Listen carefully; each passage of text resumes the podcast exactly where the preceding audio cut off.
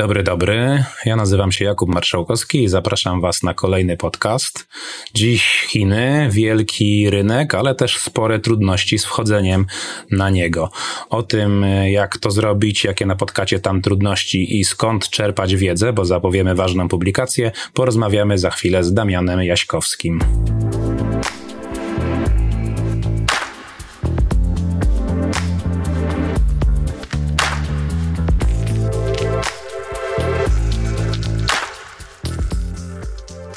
Porozmawiajmy więc o Chinach, ale może najpierw Damianie przedstaw się, jak mamy zwyczaju w tej audycji, albo może nawet tu zapytam jeszcze dokładniej, co właściwie uprawnia cię do wypowiadania się o Chinach? Tak, co mnie uprawnia? No, myślę, że przede wszystkim fakt, że, że ostatnich kilka lat spędziłem w Chinach. E, mieszkałem w Chinach przez 8 lat, gdzie skończyłem studia, pisząc pracę magisterską z ekonomii na temat polskiego rynku gier, po czym zacząłem pracę w ambasadzie e, Rzeczypospolitej Polskiej w Pekinie, w Wydziale Kultury i byłem ekspertem do spraw przemysłów kreatywnych. E, zajmowałem się oczywiście różnymi rzeczami, ale przede wszystkim tą najistotniejszą częścią mojej pracy była promocja polskich gier w Chinach. Wspólnie bardzo często z Fundacją Indie Games Polska. Przez cztery lata udało nam się wprowadzić mnóstwo, mnóstwo różnych programów dotyczących promocji polskich gier. Od artykułów, przez e, nagrania, przez udział w targach, biznes tour po e, firmach e, chińskich. Więc dużo udało się zrobić i przede wszystkim to, co jest istotne, w 2018 roku Wydział Kultury wydał pierwszą wersję raportu na temat chińskiego rynku gier, której byłem autorem. I co istotne jest, e, myślę, to, że przede wszystkim te informacje, które, które w tym raporcie zawarliśmy e, i co wyróżnia go na tle innych raportów, które, które gdzieś tam się pojawiają, to jest to, że byliśmy częścią tego rynku, czyli e, spotykaliśmy się z ludźmi, rozmawialiśmy z ludźmi, z bardzo wieloma przedstawicielami, czy to wydawców, czy to deweloperów, czy mediów też żeby dowiedzieć się jak najwięcej na temat tego rynku, jak tylko możemy. Spotkaliśmy się z bardzo pozytywnym e, przyjęciem, ponieważ w Chinach raczej nie spogląda się pozytywnie na gry, e, szczególnie na tym e, szczeblu rządowym, w związku z czym fakt, że przedstawiciel ambasady, przedstawiciel rządu państwa za granicą chciał rozmawiać o grach, chciał się dowiedzieć czegoś więcej, chciał pogadać na ten temat, no spotkało się to z mega ciepłym przyjęciem i udało nam się naprawdę bardzo, bardzo wielu rzeczy dowiedzieć, których na co dzień jakby no przeciętna osoba, która, która nawet jest tam gdzieś uczestnikiem tego rynku, też nie ma dostępu do tych informacji bardzo często, więc myślę, że w jakiś tam sposób, chociaż nie, nie, nie przepadam za słowem ekspert, no to jednak e, chyba jestem tym, tym ekspertem od chińskiego rynku w Polsce. Na ile ja znam Twoje dokonania, śmiało mianuję Cię ekspertem do spraw chińskiego rynku w Europie. Dziękuję ślicznie. E, ja oczywiście uważam, że jest jeszcze bardzo dużo do roboty, ale na pewno ten, e, ta okazja, przy której się spotykamy, czyli e, to zbliżające się wydanie raportu, nowej wersji raportu na temat chińskiego rynku gier, jest oczywiście takim kolejnym krokiem, żeby otworzyć te Chiny dla nie tylko polskich, ale i europejskich deweloperów. Dobra, to za moment. Jeszcze muszę się dla naszych słuchaczy upewnić co do jednej rzeczy. Mówisz po chińsku i piszesz po chińsku. Tak, tak. A co jest trudniejsze do nauczenia się? I teraz chyba wszystkich zaskoczę mówienie. Bo jest bardzo skomplikowana wymowa, zupełnie inaczej zbudowana niż europejska. Tak, język chiński jest językiem tonalnym, więc oznacza to, że jedną sylabę, jeżeli wypowiemy na kilka różnych sposobów, to jest to kompletnie różne znaczenie. I można się przejechać, bo można na przykład powiedzieć, że e, idę spotkać się z mamą, a powiemy, że idę spotkać się z koniem, więc różnica jest. Odsyłamy zainteresowanych tematem słuchaczy do poematu o poecie Shi, który jadł lwy. Cały poemat tak. składa się słowa z sylaby Shi w różnych intonacjach. Mhm. Taki starochiński poemat. No ale dobra, to ploteczki, to, to drobiazgi. E, ważna rzecz to faktycznie to, że spotykamy się tutaj trochę jako zapowiedź e, raportu. Ja bym to chyba nawet trochę nazwał bardziej poradnikiem dla mhm. polskich studiów, dla polskich twórców gier jak sobie poradzić z wprowadzaniem i sukcesem swojej gry na rynku chińskim. Ten, to, to opracowanie trafi do Was jako bezpłatny PDF e, staraniami e, ambasady Damiana i Fundacji Indie Games Polska w przyszłym tygodniu, a dzisiaj sobie trochę o tych Chinach porozmawiamy, może próbując nie dublować tych bardzo konkretnych informacji, które w tym opracowaniu się znajdą. Czy coś jeszcze o tym opracowaniu powinniśmy powiedzieć od razu, jako promocję i reklamę jego? Znaczy myślę, że to, co powiedziałeś jest bardzo ważne, że, że to jest poradnik i tutaj staraliśmy się przygotować to w takiej formie, żeby z jednej strony oczywiście, ponieważ współautorem jest też Instytut Polski, czyli Wydział Kultury e, Ambasady RP w Pekinie, gdzie no celem jest oczywiście z jednej strony ten raport przedstawić też odpowiednim instytucjom, żeby instytucje wiedziały, z jakimi problemami my się borykamy, kiedy na ten rynek próbujemy wejść, ale też z drugiej strony no, chcieliśmy, żeby to było coś e, bardzo, bardzo użytecznego dla deweloperów, e, dla deweloperów, dla wydawców, którzy o tym rynku myślą na poważnie i zastanawiają się, czy to jest coś dla mnie, czy nie. W związku z czym e, dlatego taka forma, a nie inna, gdzie rzeczywiście taka forma trochę bardziej poradnikowa, co robić gdy, która mam nadzieję bardzo dobrze się przyjmie i da konkretne odpowiedzi na konkretne pytania. Podkreślmy, że ci deweloperzy muszą trochę pracy domowej odrobić, żeby na ten rynek chiński z grami móc wejść e, i tak, trochę tak, ekstra starań muszą w to włożyć, no bo Chiny to no taka trochę inna planeta dla nas, tak? To czym tak najbardziej ogólnie różnią się Chiny od Europy? Ojejku, no myślę, że tych e, różnic jest bardzo dużo, ale ta różnica, która jest taka najbardziej oczywista, szczególnie kiedy lądujemy w Chinach i kiedy nie mamy tego, kiedy jest to ten pierwszy kontakt, to jest ten moment, kiedy okazuje się, że włączamy telefon i 90% naszych aplikacji nie działa. Przechodziłem przez to, potwierdzam, trzeba pojechać do Chin osobiście, żeby zrozumieć, jak dużo w naszym telefonie jest zależne na przykład od usług Google'a, które w Chinach są niedostępne. No. Dokładnie tak. E, nie jesteśmy w stanie włączyć Google Mapy. E, nawet gdybyśmy ją włączyli, to szczerze powiedziawszy nie jest zbyt użyteczna, bo, e, bo mapy na Chiny nie są zbyt konkretne. W związku z czym jest ciężko. Nawet kwestia tego, że nie wiem, niektóre aplikacje czy, czy niektóre strony internetowe pobierają captcha z, serweru, z serwerów Google'a i to też się nie otworzy i nie będziemy mieć do nich dostępu. Nie mamy dostępu do Facebooka, nie wrzucimy nic na Insta, na Twittera czy tam Exa też e, nic nie wrzucimy. W związku z czym bardzo, bardzo dużo rzeczy, które my znamy z tego świata zachodniego, do których jesteśmy bardzo przyzwyczajeni i które tak naprawdę są już taką nieodłączną częścią nas, naszego życia, no to w momencie przekroczenia tej, tej granicy chińskiej te rzeczy znikają, są dla nas niedostępne. Czasami oczywiście są metody, żeby, e, żeby się dostać do, do tych e, portali, do tych serwerów, no ale jest to skomplikowane i jest to wymagające, w związku z czym nie zawsze to też działa. I no jest ten szok, kiedy nagle się okazuje, że jesteśmy zostawieni sami sobie i te momenty, gdzie czasami no, trzeba y, albo ściągnąć chińską mapę i nagle wszystko jest po chińsku, albo y, zaopatrzyć się w mapę papierową, jeżeli chcemy gdzieś iść. Podkreślmy też, że opowiadamy tak to trochę z punktu widzenia podróżniczo-wyjazdowego, nie wiem, może bizdewowego nawet, ale to w zasadzie jest też temat, kiedy będziemy chcieli Chińczykom sprzedawać nasze gry, no bo nie da się ich promować na Facebooku, bo Facebooka tam nie ma i w zasadzie wszystko Chińczycy mają swoje własne, co ma pewnie sens, produkowanie swoich własnych rozwiązań dla miliarda ludzi, e, ale o tym może jeszcze, jeszcze za chwilę. Natomiast, e, no właśnie, jakieś kulturowe największe różnice między Chińczykami a Polakami? Wydaje mi się, że jeżeli chodzi o takie rzeczy kulturowe, to tak naprawdę dwie rzeczy. Po pierwsze, to jest e, kwestia tego, jak w ogóle wygląda chiński sposób prowadzenia biznesu, bo to jest też bardzo ciekawe. I tak naprawdę nie tylko biznesu, bo po prostu wszystko się dzieje przy stole. Normalne jest to, że zaprasza się czy to kontrahenta, czy po prostu przyjaciół na jedzenie, gdzie Polsce raczej idziemy gdzieś tam z kimś na kawę. W Chinach raczej pójdziemy na obiad. Na obiad, na kolację, na nocną przekąskę, ale zawsze jedzenie gdzieś tam w tle musi być. Więc tutaj już jest zmiana. Ale też taka duża, duża różnica to jest kwestia znajomości języka angielskiego i to bardzo wielu deweloperom też e, ciężko przychodzi zaakceptować, dopóki nie pojadą do, do, tego kraju. Czyli wydaje się, że nieznajomość angielskiego w Chinach jest taka sama jak nieznajomość angielskiego w Polsce, czyli coś tam mówię, jakoś się dogadam, ale no nie jest to dobry angielski gdzie w Chinach no, są takie miejsca, gdzie wchodzimy na przykład do restauracji i pani jedyne co rozumie, jak dobrze pójdzie, to hello. Podkreślmy, w branży gier też można takie przypadki znaleźć. Zresztą czasami na międzynarodowych konferencjach kilka chińskich biznesów rozmawiało ze mną szef przez tłumacza, prawda, albo inne takie rzeczy, więc tak, jest to zdecydowanie. My trochę uważamy, że zwłaszcza u nas w branży każdy po angielsku mówi, a tam się okazuje to y, bardzo niekoniecznie prawdziwe. Dokładnie tak, dokładnie tak. I nawet jest to problem, dajmy na to w mediach gamingowych które wydawało się, by się, że przecież powinny mówić w języku angielskim, no bo wiele informacji na temat gier publikowanych jest po angielsku i nie są tłumaczone na język chiński, a w praktyce wygląda to tak, że kiedy e, wysyłamy im informację, że słuchajcie, tutaj jest e, nasza gra i nie wiem, chcemy jakieś tam recenzje ustawić czy coś takiego, to pierwsze pytanie jest, czy jest e, po chińsku, bo jeżeli nie, to nie ma komu tego ograć. Dobra, dobra, do tłumaczeń jeszcze dojdziemy, trochę spróbuję jak, jakąś kolejność w, tym, w, tym, w tej audycji utrzymać. E, zacznijmy w takim razie jednak od tego chińskiego rynku. Od kilku ładnych już lat ze wszech stron płyną do nas informacje, że urósł tak bardzo, że jest największy na świecie, najwięcej warty, wyprzedził rynek amerykański, ale to jest chyba dosyć specyficzna prawda, bo jednak ogromna część tego rynku chińskiego jest wewnętrzna, jest e, lokalna, jest zamknięta dla nas,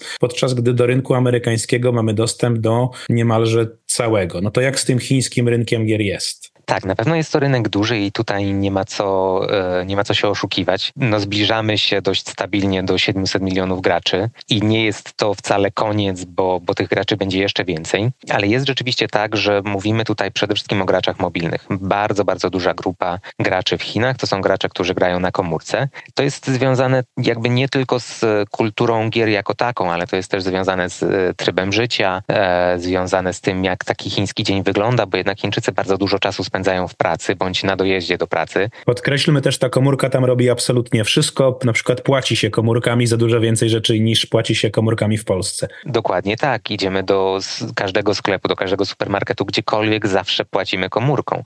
W Starbucksie płacimy komórką, no wszędzie praktycznie. Bardziej płacimy komórką niż kartą, na dobrą sprawę. Więc ta komórka jest takim nieodłącznym elementem i zawsze będziemy z niej korzystać. W związku z czym, o ile tych graczy jest mnóstwo, no to na pewno ta grupa, do której e, przeciętny polski deweloper chce dotrzeć, czyli e, gracze PC-towi, no to to już jest mniejsza grupa. Ciężko jest ją oczywiście oszacować, bo z jednej strony e, mówimy o 70 milionach, o 60 milionach, 50 milionach, w zależności od tego, na jakie platformy patrzymy i w zależności od tego, jakich danych szukamy, bo no niestety nie da się tych danych mieć bardzo precyzyjnych ze względu na to, że część graczy też przez e, VPN-y otwiera poszczególne portale i tak dalej, ale na pewno no jest to mniejsza grupa niż, niż ta grupa, o której się zawsze mówi, chociaż przy tak olbrzymiej e, liczby graczy, jest to o tyle fajne, że zawsze znajdziemy tam niszę dla siebie.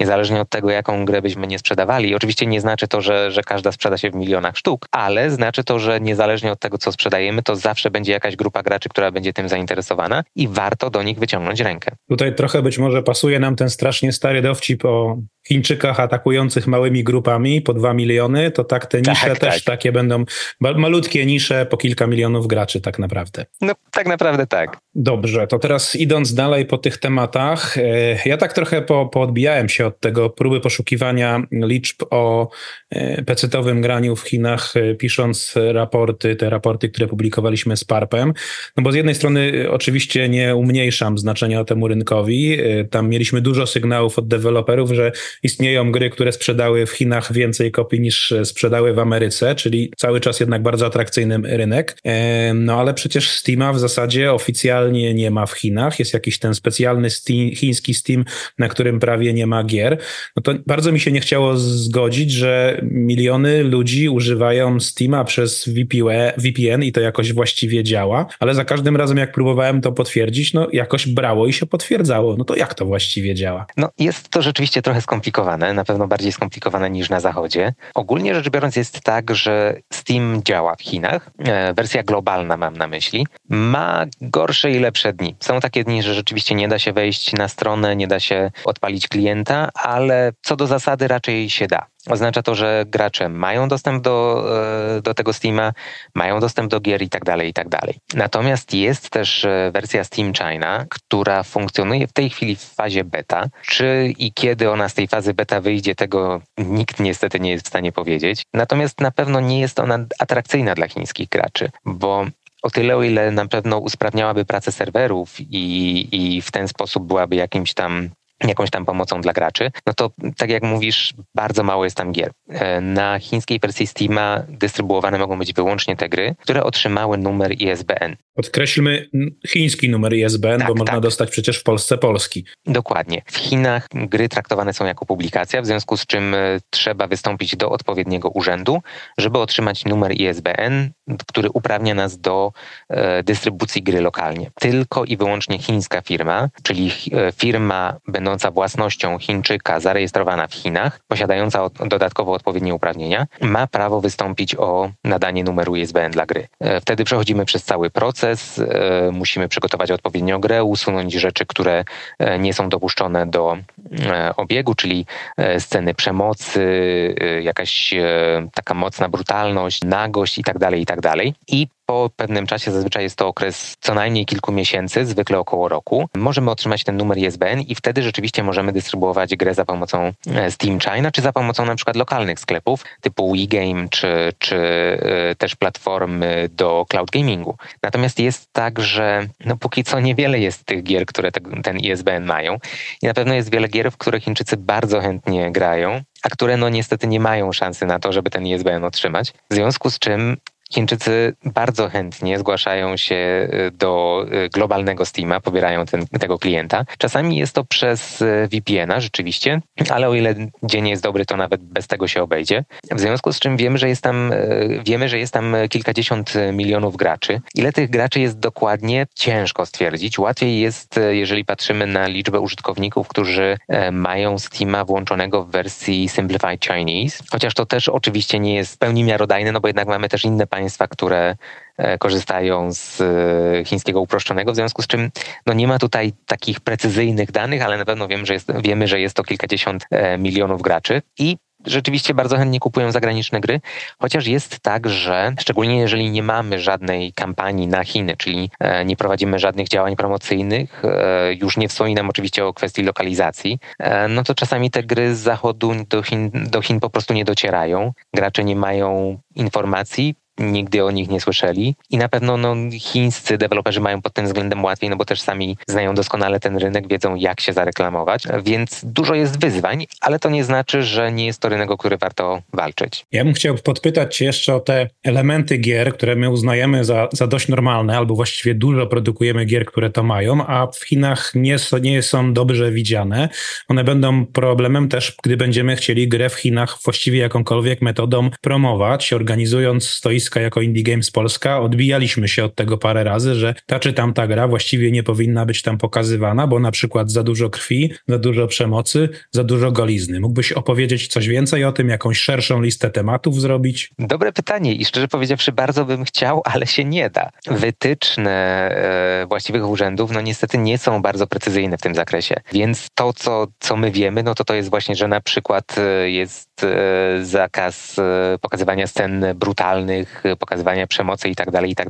Ale w praktyce co to oznacza? Zależy to w dużym stopniu od tego, kto siedzi przy biurku, czyli po prostu od tego urzędnika, który będzie wydawał pozwolenie dla naszej gry. My wiemy, że są takie rzeczy, które raczej nigdy nie przechodzą, przynajmniej współcześnie, bo też było tak, że w latach wstecz gdzieś tam nie było to aż tak restrykcyjne, jeżeli chodzi o te przepisy, w związku z czym pozwalano na trochę więcej, teraz pozwala się na trochę mniej. E, na pewno krew jest taką rzeczą, którą trzeba usunąć albo zamienić na kolor zielony, ale też na przykład, jeżeli chodzi o brutalność, no bo tutaj oczywiście no, ciężko stwierdzić, co jest brutalne, co nie jest brutalne. Znaczy, łatwo powiedzieć, że coś jest, ale czy coś nie jest, to już trudno, tak? W związku z czym na przykład e, z doświadczenia e, licznych deweloperów wiemy, że jeżeli w grze występują sceny przebijania kogoś jakąś bronią, czyli jakimś mieczem, nożem e, czy czymś takim, gdzie widzimy tą broń po drugiej stronie, tak, czyli przeszywamy daną postać, to to zdecydowanie jest e, niedozwolone i w tym momencie gra zostanie e, albo dostaniemy informację zwrotną, że należy ją poprawić, albo po prostu tego numeru ISBN nie otrzymamy. E, jeżeli chodzi o nagość, no to oczywiście jeżeli są, tutaj myślę akurat e, standard amerykański, tak, czyli jeżeli pokazane są na przykład piersi, no to oczywiście to odpada, już nie wspominając o innych częściach ciała, ale też mogą to być czasami jakieś tam elementy podtekstowe, tak, czyli jakieś wykonywanie jakichś gestów czy czegoś, które mogłyby mieć jakiś jakiś tam podtekst e, seksualny, no też e, nie będzie mile widziane i też może się skończyć tym, że, że nasza gra po prostu tego numeru ISBN nie dostanie. A gry horrory? Gry horrory są dozwolone, w tym sensie, że Chińczycy też lubią horrory i to trzeba sobie powiedzieć. Chociażby tutaj gry e, Bluebera też, też odnoszą e, spore sukcesy w Chinach. Natomiast no, w chińskich horrorach, i tutaj nie tylko dotyczy to gier, ale też e, dotyczy chociażby seriali czy filmów, które są wyświetlane w telewizji i na platformach streamingowych, Raczej jest tak, że jest to horror psychologiczny, trochę coś, co my możemy kojarzyć na przykład z horrorami japońskimi, a zdecydowanie nie taki styl horroru amerykańskiego, gdzie krew się leje i są postaci przecinane na pół, no to na pewno by nie przeszło. Dobra, to te tematyki może z grubsza przerobiliśmy, to może trochę porozmawiajmy teraz o języku, albo ja bym cię od razu zapytał jeszcze o recenzjowanie na Steamie, bo to mi się trochę łączy. Znowu jak patrzyliśmy sobie przez dane na temat polskich gier i ich sukcesów do ostatniego bodajże raportu, to wyszło nam po pierwsze, że w ogóle Chińczycy są dosyć szybcy w chwytaniu za recenzję, albo być może to jest właściwie taki trochę element kulturowy, że nam jest to trochę bardziej obojętne w Europie, e, a a, Azja bardziej potrzebuje postrzegać w ten sposób swój udział w społeczności, że taką recenzję będzie wystawiała, ale to też powoduje takie rzeczy, że szybko lecą z Chin e, recenzje negatywne. Nie ma chińskiej wersji językowej, lecą negatywy. Jest chińska wersja językowa, ale jest nie dość dobrze zrobiona, lecą negatywy. Pewnie byłbym w stanie wskazać kilka tytułów, które trochę w ten sposób sobie popsuły premierę. Mhm, tak, to prawda. Chińczycy są bardzo chętni do komentowania, ale też widzimy, tak jak e, wspomniałeś, że częściej są to komentarze negatywne. Wynika to z, z, różnych aspektów. No tutaj ten aspekt kulturowy, czyli chęć podzielenia się z większym community tym, co myślimy na temat danego tytułu, jest na pewno istotne. I rzeczywiście naj, najczęściej spotykane negatywne komentarze dotyczą lokalizacji. Po pierwsze, tego, że jej nie ma. E, jeżeli nie ma chińskiej lokalizacji, no to przeciętny Chińczyk niestety nie jest w stanie zagrać w daną grę. Szczególnie jeżeli mówimy o grach, które opierają się bardzo mocno na narracji. Tak jak już mówiliśmy, Chińczycy nie mówią po angielsku bardzo często w ogóle, czyli to nie jest kwestia, że on zrozumie słabo, tylko to jest kwestia, że on nie zrozumie kompletnie ani jednego słowa z tego, co my chcemy mu przekazać. W związku z czym, jeżeli postępy w grze są uzależnione od tego, co gracz przeczyta, a nie ma e, lokalizacji na język chiński, no to w tym momencie ta gra jest dla niego po prostu nie do ogrania, tak? I no, od razu posypie się e, negatywny komentarz. Będą też negatywne komentarze, jeżeli ta lokalizacja będzie słaba i to jest duży problem, bo jest bardzo dużo firm lokalizacyjnych i niestety nie wszystkie są e, wiarygodne. W tym rozumowaniu, że no jest tak, że bardzo często firmy lokalizacyjne, które współpracują, e, czy to z zachodnimi studiami, jeżeli mówimy o firmach chińskich, czy to firmy e, globalne, które e, mają gdzieś tam po prostu tłumaczy Chińczyków, często jest tak, że oni nie mają czasu na to, żeby ogrywać te gry. Znam tłumaczy, którzy są w stanie w ciągu dnia przetłumaczyć 20 stron tekstu angielskiego na język chiński.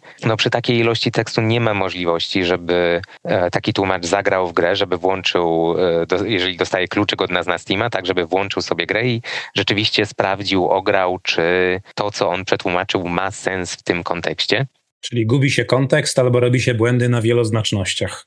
Dokładnie tak. Tym bardziej, że musimy pamiętać, że tych wieloznaczności w przypadku języka chińskiego, kiedy tłumaczymy z języków europejskich, jest po prostu więcej, bo to jest język, który nie ma wspólnego, wspólnych korzeni, tak jak my mamy na przykład w postaci łaciny, w związku z czym tych różnic będzie dużo. I po tym tak naprawdę można łatwo poznać dobrą firmę lokalizacyjną. Jeżeli podczas tłumaczenia ma dużo pytań albo chce kodu, to znaczy, że oni wiedzą, co robią i że zależy im na tym, żeby dobrze tą, tą robotę zrobić. Jeżeli nie, jeżeli dostajemy po prostu po iluś tam godzinach gotowe tłumaczenie, to znaczy, że nikogo to specjalnie nie obchodziło i po prostu polecieli trochę mechanicznie, albo nawet, bo widziałem też takie przypadki, że, że rzeczywiście były to tłumaczenia e, maszynowe e, w stylu Google Translate, no i efekt jest taki, że Chińczycy potem nie do końca rozumieją, co się w tej grze dzieje, nie są w stanie rzeczywiście zrozumieć tutoriala na przykład i tak dalej, E, no i na pewno się negatyw za to, za to posypie. Czy jesteśmy jakąś jeszcze w stanie podpowiedź udzielić tutaj, jak zrobić dobrą chińską lokalizację?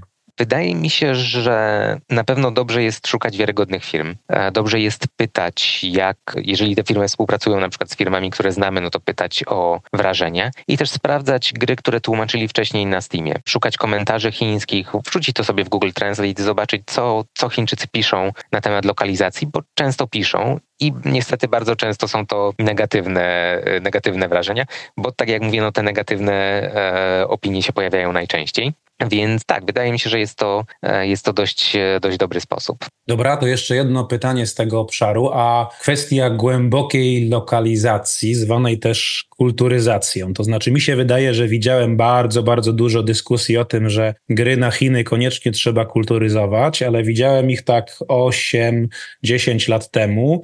Wydaje mi się, że dotyczyło to dużo mocniej rynku mobilnego, gier mobilnych, tych gier, które trafiały do bardziej casualowego e, chińskiego odbiorcy i wtedy były sugestie, no nawet postacie trzeba przerysować inaczej w tych grach, żeby one do chińskiego odbiorcy przemawiały. Z drugiej mhm. strony zaś wyobrażam sobie, że ten odbiorca, który siedzi na Steamie, ten odbiorca, do którego głównie jednak nasi deweloperzy starają się trafiać, dla niego ta kulturyzacja nie będzie miała aż tak bardzo znaczenia, bo jest bardziej obeznany z zachodnią kulturą, albo być może wręcz jej łaknie trochę. Dobre pytanie i tak naprawdę bardzo skomplikowana odpowiedź, bo technicznie rzecz biorąc, przeciętny chiński gracz, jego oczekiwania wobec gier są takie, że tak naprawdę nie obchodzi go ta kultura.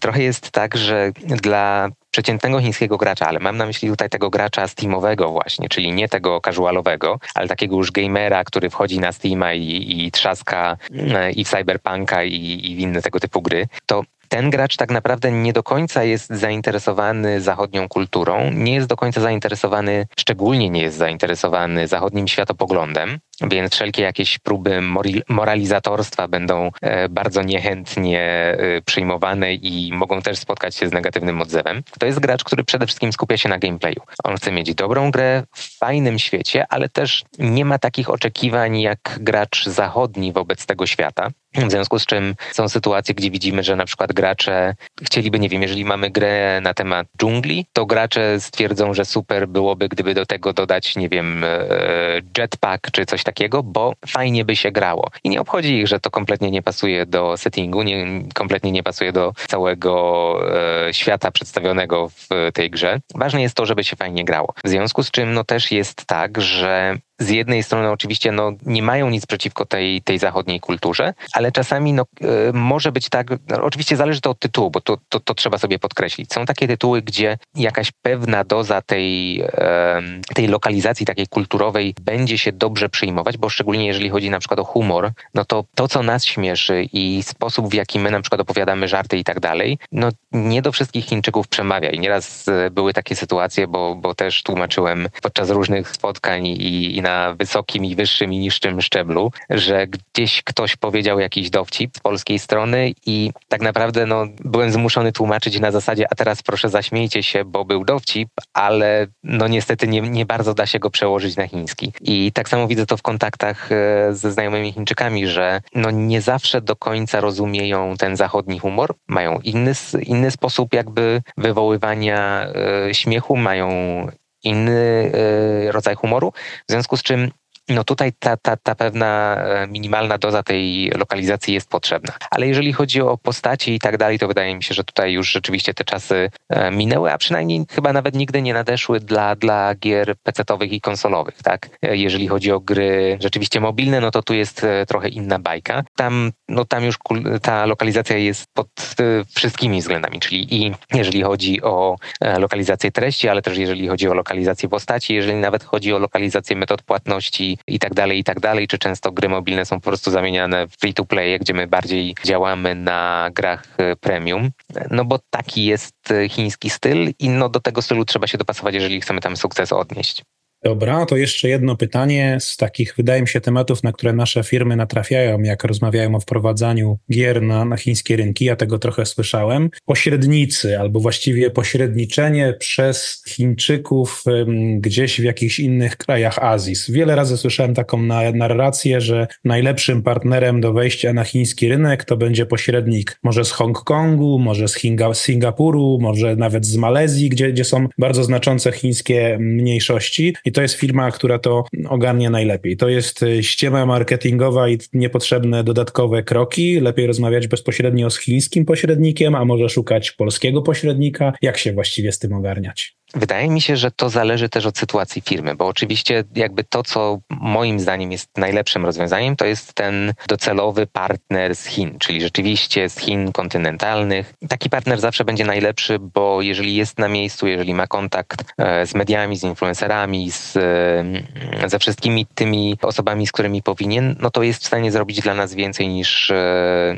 niż, niż ktokolwiek inny. Jeżeli szukamy partnera właśnie, który jest z Malezji, z Hongkongu, z Singapuru, Hongkong wydaje mi się oczywiście jest najbliżej, ponieważ bardzo wiele chińskich firm ma oddział w Hongkongu. Głównie dlatego, że trochę upraszcza to kwestie przelewów i tak dalej, więc to jakby jest kwestia bardzo techniczna, natomiast nie jest to koniecznie nie oznacza to od razu, jeżeli mamy jakiegoś tam partnera, że jeżeli siedziba jest wpisana w Hongkongu, że, że jest to partner z Hongkongu tylko po prostu jest tam zarejestrowany. Natomiast zdecydowanie lepiej będą się sprawdzać partnerzy chińscy. Jeżeli decydujemy się na partnera właśnie z zachodu, powiedzmy w tym kontekście, że właśnie nie Chiny, Chiny, tylko, tylko jakaś Malezja czy Singapur, no to jest ten partner na pewno bardziej bliski nam pod względem komunikacji, bo często lepiej mówią w języku angielskim.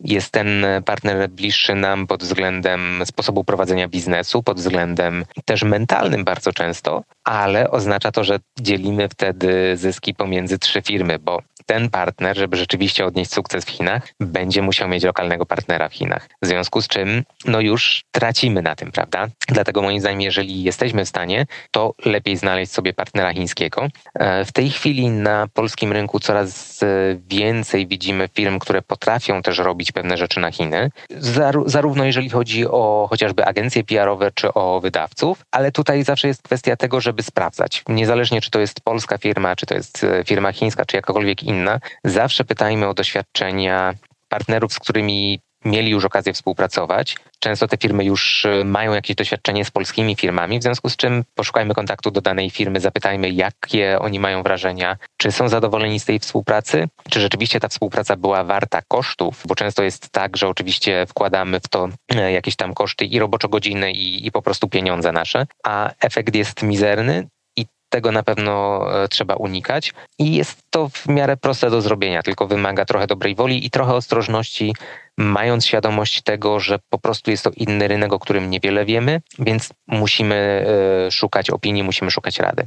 Dobra, to jeszcze mam takie dwie obiegowe opinie, które chciałbym od ciebie e, odbić. Obie właściwie odrobinę złośliwe, ale chyba nie pozbawione prawdziwości. E, taka dobra, e, chodząca po branży zachęta do wykonania pracy, wydania swojej gry w Chinach mówi: wydaj swoją grę w Chinach, zanim wydają tam ktoś inny. W Chinach nie bardzo są prawa autorskie, a przynajmniej nie w taki sposób, w jaki my je rozumiemy, czyli jak coś takiego faktycznie może się zdarzyć tak, i szczerze mówiąc, widziałem dużo takich przypadków. Szczególnie taka ostatnia fala, która e, bardzo mnie bawiła, to była fala, kiedy zaczął się boom na cloud gaming i otworzyło się mnóstwo, mnóstwo platform, e, które oferowały e, coraz to fajniejsze tytuły w tym modelu cloud gamingowym. I rzeczywiście widziałem mnóstwo, mnóstwo polskich tytułów i jestem pewien, że nawet 1% polskich twórców nie miał podpisanych umów licencyjnych na swoje gry, żeby na tych platformach się pojawiły, a mimo wszystko były tam i szczerze mówiąc działały bardzo dobrze i wielu deweloperów, kiedy mówiłem im, że, że ich gra już tam jest, no to było zaskoczonych, że jak to w ogóle działa, bo nam to na cloud gamingu nie działa, a tam jakoś tak. Natomiast ale podkreślmy, ci deweloperzy wtedy nic na tym także nie zarabiali, tak, po tak, prostu tak, kasował tak. za to ktoś inny. Dokładnie tak. Dlatego no jednak mimo wszystko zachęcamy do tego, żeby na ten, na ten chiński rynek e, wchodzić. Z jednej strony no, potrzebna jest lokalizacja, bo jeżeli nie ma lokalizacji, no to w tym momencie po co ja mam kupować grę, w którą i tak nie jestem w stanie zagrać, w której nie jestem w stanie zrozumieć, to wolę pobrać nielegalną kopię z internetu, więc tutaj jakby jeszcze e, piractwo do tego dochodzi. Z drugiej strony no jest tak, e, że no bardzo często te gry pojawiały pojawiały się na różnych platformach, ale trzeba też sobie powiedzieć, że to też się zmienia, bo to nie jest. E, czekaj, tak, czekaj, że... wchodzisz w następne moje pytanie. No właśnie, nie ma czegoś takiego w Chinach jak jedna, główna, jedyna, najważniejsza platforma. Na każdej platformie sprzętowej tych platform sprzedażowych jest 10, więc były trochę dyskutowane jakieś problemy polskich deweloperów z hmm, rozliczaniem sprzedaży przez ich zagranicznych partnerów, bo pojawiały się raportowania tych sprzedaży z części platform, a nie na przykład ze wszystkich. W związku z czym taka kolejna podwójna, złośliwa, obiegowa opinia to jest, no, podpisujmy oczywiście umowy z chińskimi wydawcami, ale lepiej rozliczyć się z góry, mieć zapłacone tyle, ile chcielibyśmy dostać i potem się już nie przejmować tym rozliczaniem kopii. To oczywiście e, zależy od tego, jak, o jakich platformach mówimy, bo jeżeli rozmawiamy o e, dystrybucji gier PC, no to zazwyczaj większość wydawców będzie chciała te gry dystrybuować przez Steama. W tym sensie, że po prostu wspierają nas, bo tutaj trzeba podkreślić bardzo, bardzo istotną rzecz, że w Chinach inaczej są wydawcy, w sensie samo, sam pomysł bycia wydawcą gry w Chinach jest rozumiany nieco inaczej niż u nas, bo o tyle, o ile u nas wydawca często współuczestniczy w procesie developmentu, e, w jakiś tam sposób dofinansowuje development, też nadzoruje ten proces i tak dalej. W Chinach bardzo często jakby ci wydawcy, o których się mówi i ci, którzy mówią o sobie, że są wydawcami, tak naprawdę działają trochę jak agencja PR-owa, e, tylko że mają udział e, RevShare po prostu w, w przychodach z gry z chińskiego rynku, w związku z czym oni nie wydają jej własnymi siłami, ponieważ większość, większość firm wychodzi z założenia, że przechodzenie przez cały proces proces e, uzyskania numeru ISBN jest bardzo czasochłonna i tak naprawdę nie jest potrzebna w wielu przypadkach. W związku z czym po prostu wspierają nas w naszych działaniach marketingowych, skupiając się na Chinach i z tego tytułu pobierają jakąś tam opłatę, e, jakiś tam udział w zyskach, e, które ten rynek generuje. W związku z czym wtedy my mamy pełną kontrolę nad tym, tak? No bo widziałem, widzimy, gdzie ta gra się sprzedała, widzimy, jaki jest przychód z Chin i na podstawie tego jesteśmy w stanie określić, ile powinniśmy my im zapłacić, a nie w drugą stronę. W przypadku gier mobilnych no jest tak, że rzeczywiście trochę jest to trudniejsze, chociaż też same platformy wychodzą e, naprzeciw temu i starają się jednak w jakiś tam sposób ten system udostępnić dla deweloperów. I jest to jeszcze trochę w powijakach, ale już e, pojawiają się takie sygnały właśnie, że deweloperzy mogą sami sprawdzać na bieżąco, e, jaka jest e, ilość pobrań danej gry, jakie są przychody, ale małymi krokami. Dobra, to może tych poradnikowych części nam tu prawie wystarczy.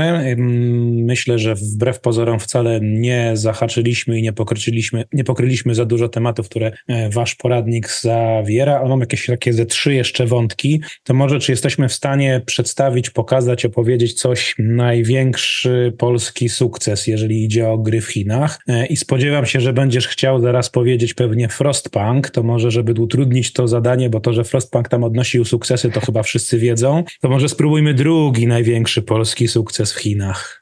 Wydaje mi się, że tych sukcesów jest e, dość sporo, bo oczywiście z jednej strony możemy mówić o tych dużych tytułach, które, które wszyscy znamy i wiadomo, że one się świetnie sprzedają w Chinach. Mnóstwo jest e, graczy z Chin, e, którzy znają czy Cyberpunka, czy Wiedźmina, czy Frostpunka, ale nie tylko takie tytuły, bo też bardzo dobrze sprzedają się indyki. Tutaj przychodzi mi na przykład na myśl Rift Breaker, który widziałem posty na temat Rift Breakera w chińskich mediach społecznościowych, które naprawdę naprawdę robiły szał. E, nie wiem, jak wygląda sprzedaż, bo, bo oczywiście nie, e, nie mam dostępu do takich danych, ale spodziewam się, że ta sprzedaż była bardzo dobra. Też e, chociażby Model Builder miał e, swoją widownię w Chinach. Też widziałem e, też informacja z, dosłownie sprzed e, paru dni, że Creepy Jar dodał do Green Hella chińską, e, chiński dubbing, chiński mandaryński, w związku z czym gracze z Chin mogą w tej chwili zagrać w grę w języku chińskim, e, z chińskim VO. Znaczy, jak rozumiem, Wcześniej był tam chiński tekst pisany, ale nie było tak. voiceoverów, czyli Dokładnie musiał być tak. to bardzo obiecujący rynek, że zdecydowano się w ten voiceover jeszcze zainwestować.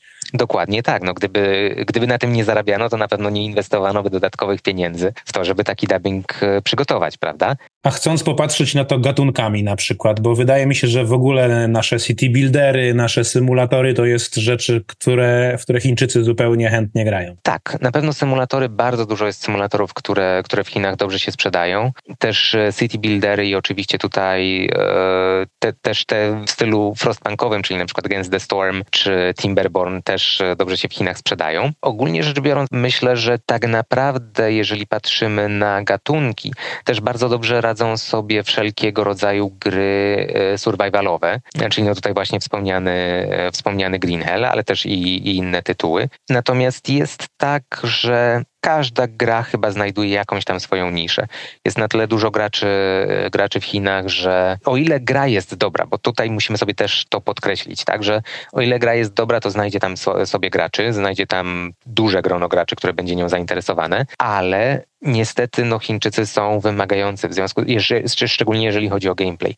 Więc jeżeli nie mamy do zaoferowania dobrego gameplayu, ciężko będzie nam sprzedać grę. Jeżeli nasza gra opiera się tylko o narrację, tylko o historię, jeżeli nie ma jakichś takich punktów, które by przyciągały, czyli na przykład e, kwestia koopa i tak dalej, bo Chińczycy bardzo lubią e, ten tryb rozgrywki, to automatycznie jakby ograniczamy grupę graczy, do których jesteśmy w stanie dotrzeć. Dobra, ale nie samymi sukcesami stoimy, a ta audycja nie byłaby dość zabawna, gdybym nie zapytał cię o największą polską wtopę w Chinach. No, ja myślę, że jeżeli chodzi o taką bardzo mocną wtopę, to jest między innymi ostatni Sniper od e, CI Games, który miał datę release'u bardzo, bardzo niefortunną, jeżeli chodzi o chiński rynek. Oczywiście można sobie, sobie sprawdzić e, dokładnie, natomiast no, nie był to dobry dzień na wydawanie gry. No i myślę, że wpłynęło to w e, jakimś tam znacznym stopniu na, e, na sprzedaż, chociaż e, sam, sam tytuł domyślam się, że mógł być pozytywnie przyjęty, ale no termin był bardzo, bardzo zły.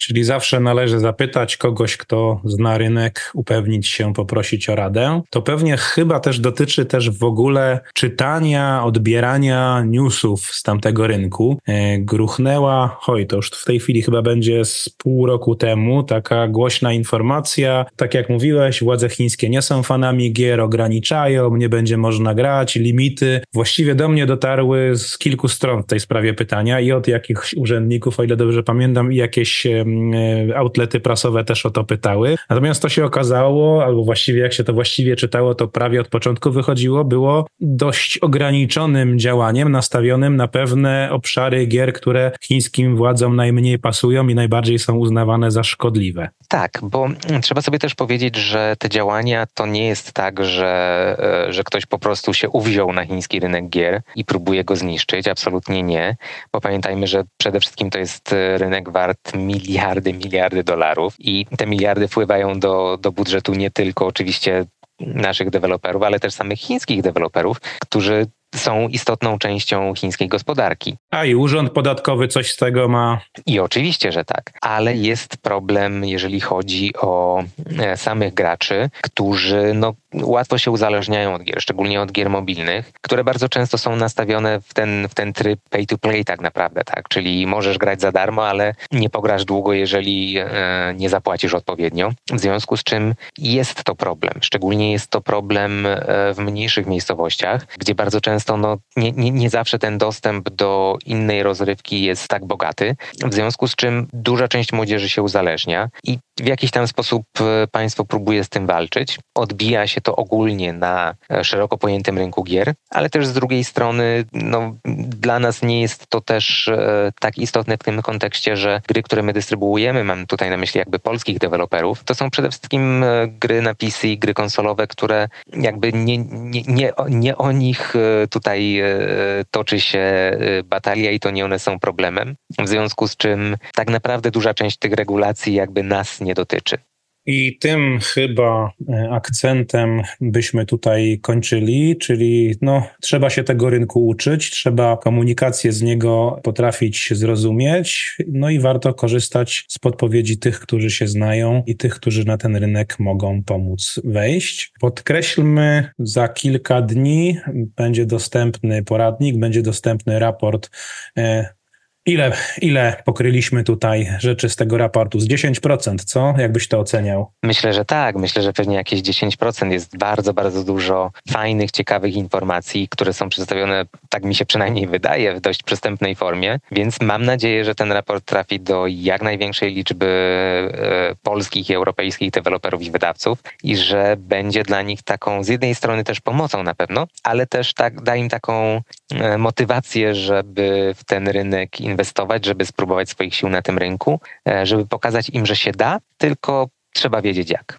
Mamy też alternatywę dla tych, którzy niekoniecznie chcą to w formie czytanej. Mamy Twój wykład z Game Industry Conference z tego roku. Będzie opublikowany w podobnych datach. Tak, On tak. trochę mocniej niż nasza dzisiejsza audycja się zazębia z tematyką raportu, ale myślę, że jednak raport jest najświeższy, najpełniejszy, więc tych najbardziej zainteresowanych oczywiście odsyłamy tam. Raport jest po angielsku, dlatego też jako Indie Games Polska będziemy naszym siostrzanym organizacjom branżowym w innych europejskich krajach krajach go udostępniać i tą wiedzą się dzielić. Ponad tym trochę budowania tej współpracy europejskiej też polega. Dziękuję Ci bardzo za Twoją pracę nad raportem i w ogóle Twoją pracę nad rozwojem polskiej branży gier. Dziękuję Ci za dzisiejszą rozmowę. Do zobaczenia, do usłyszenia gdzieś przy następnej okazji.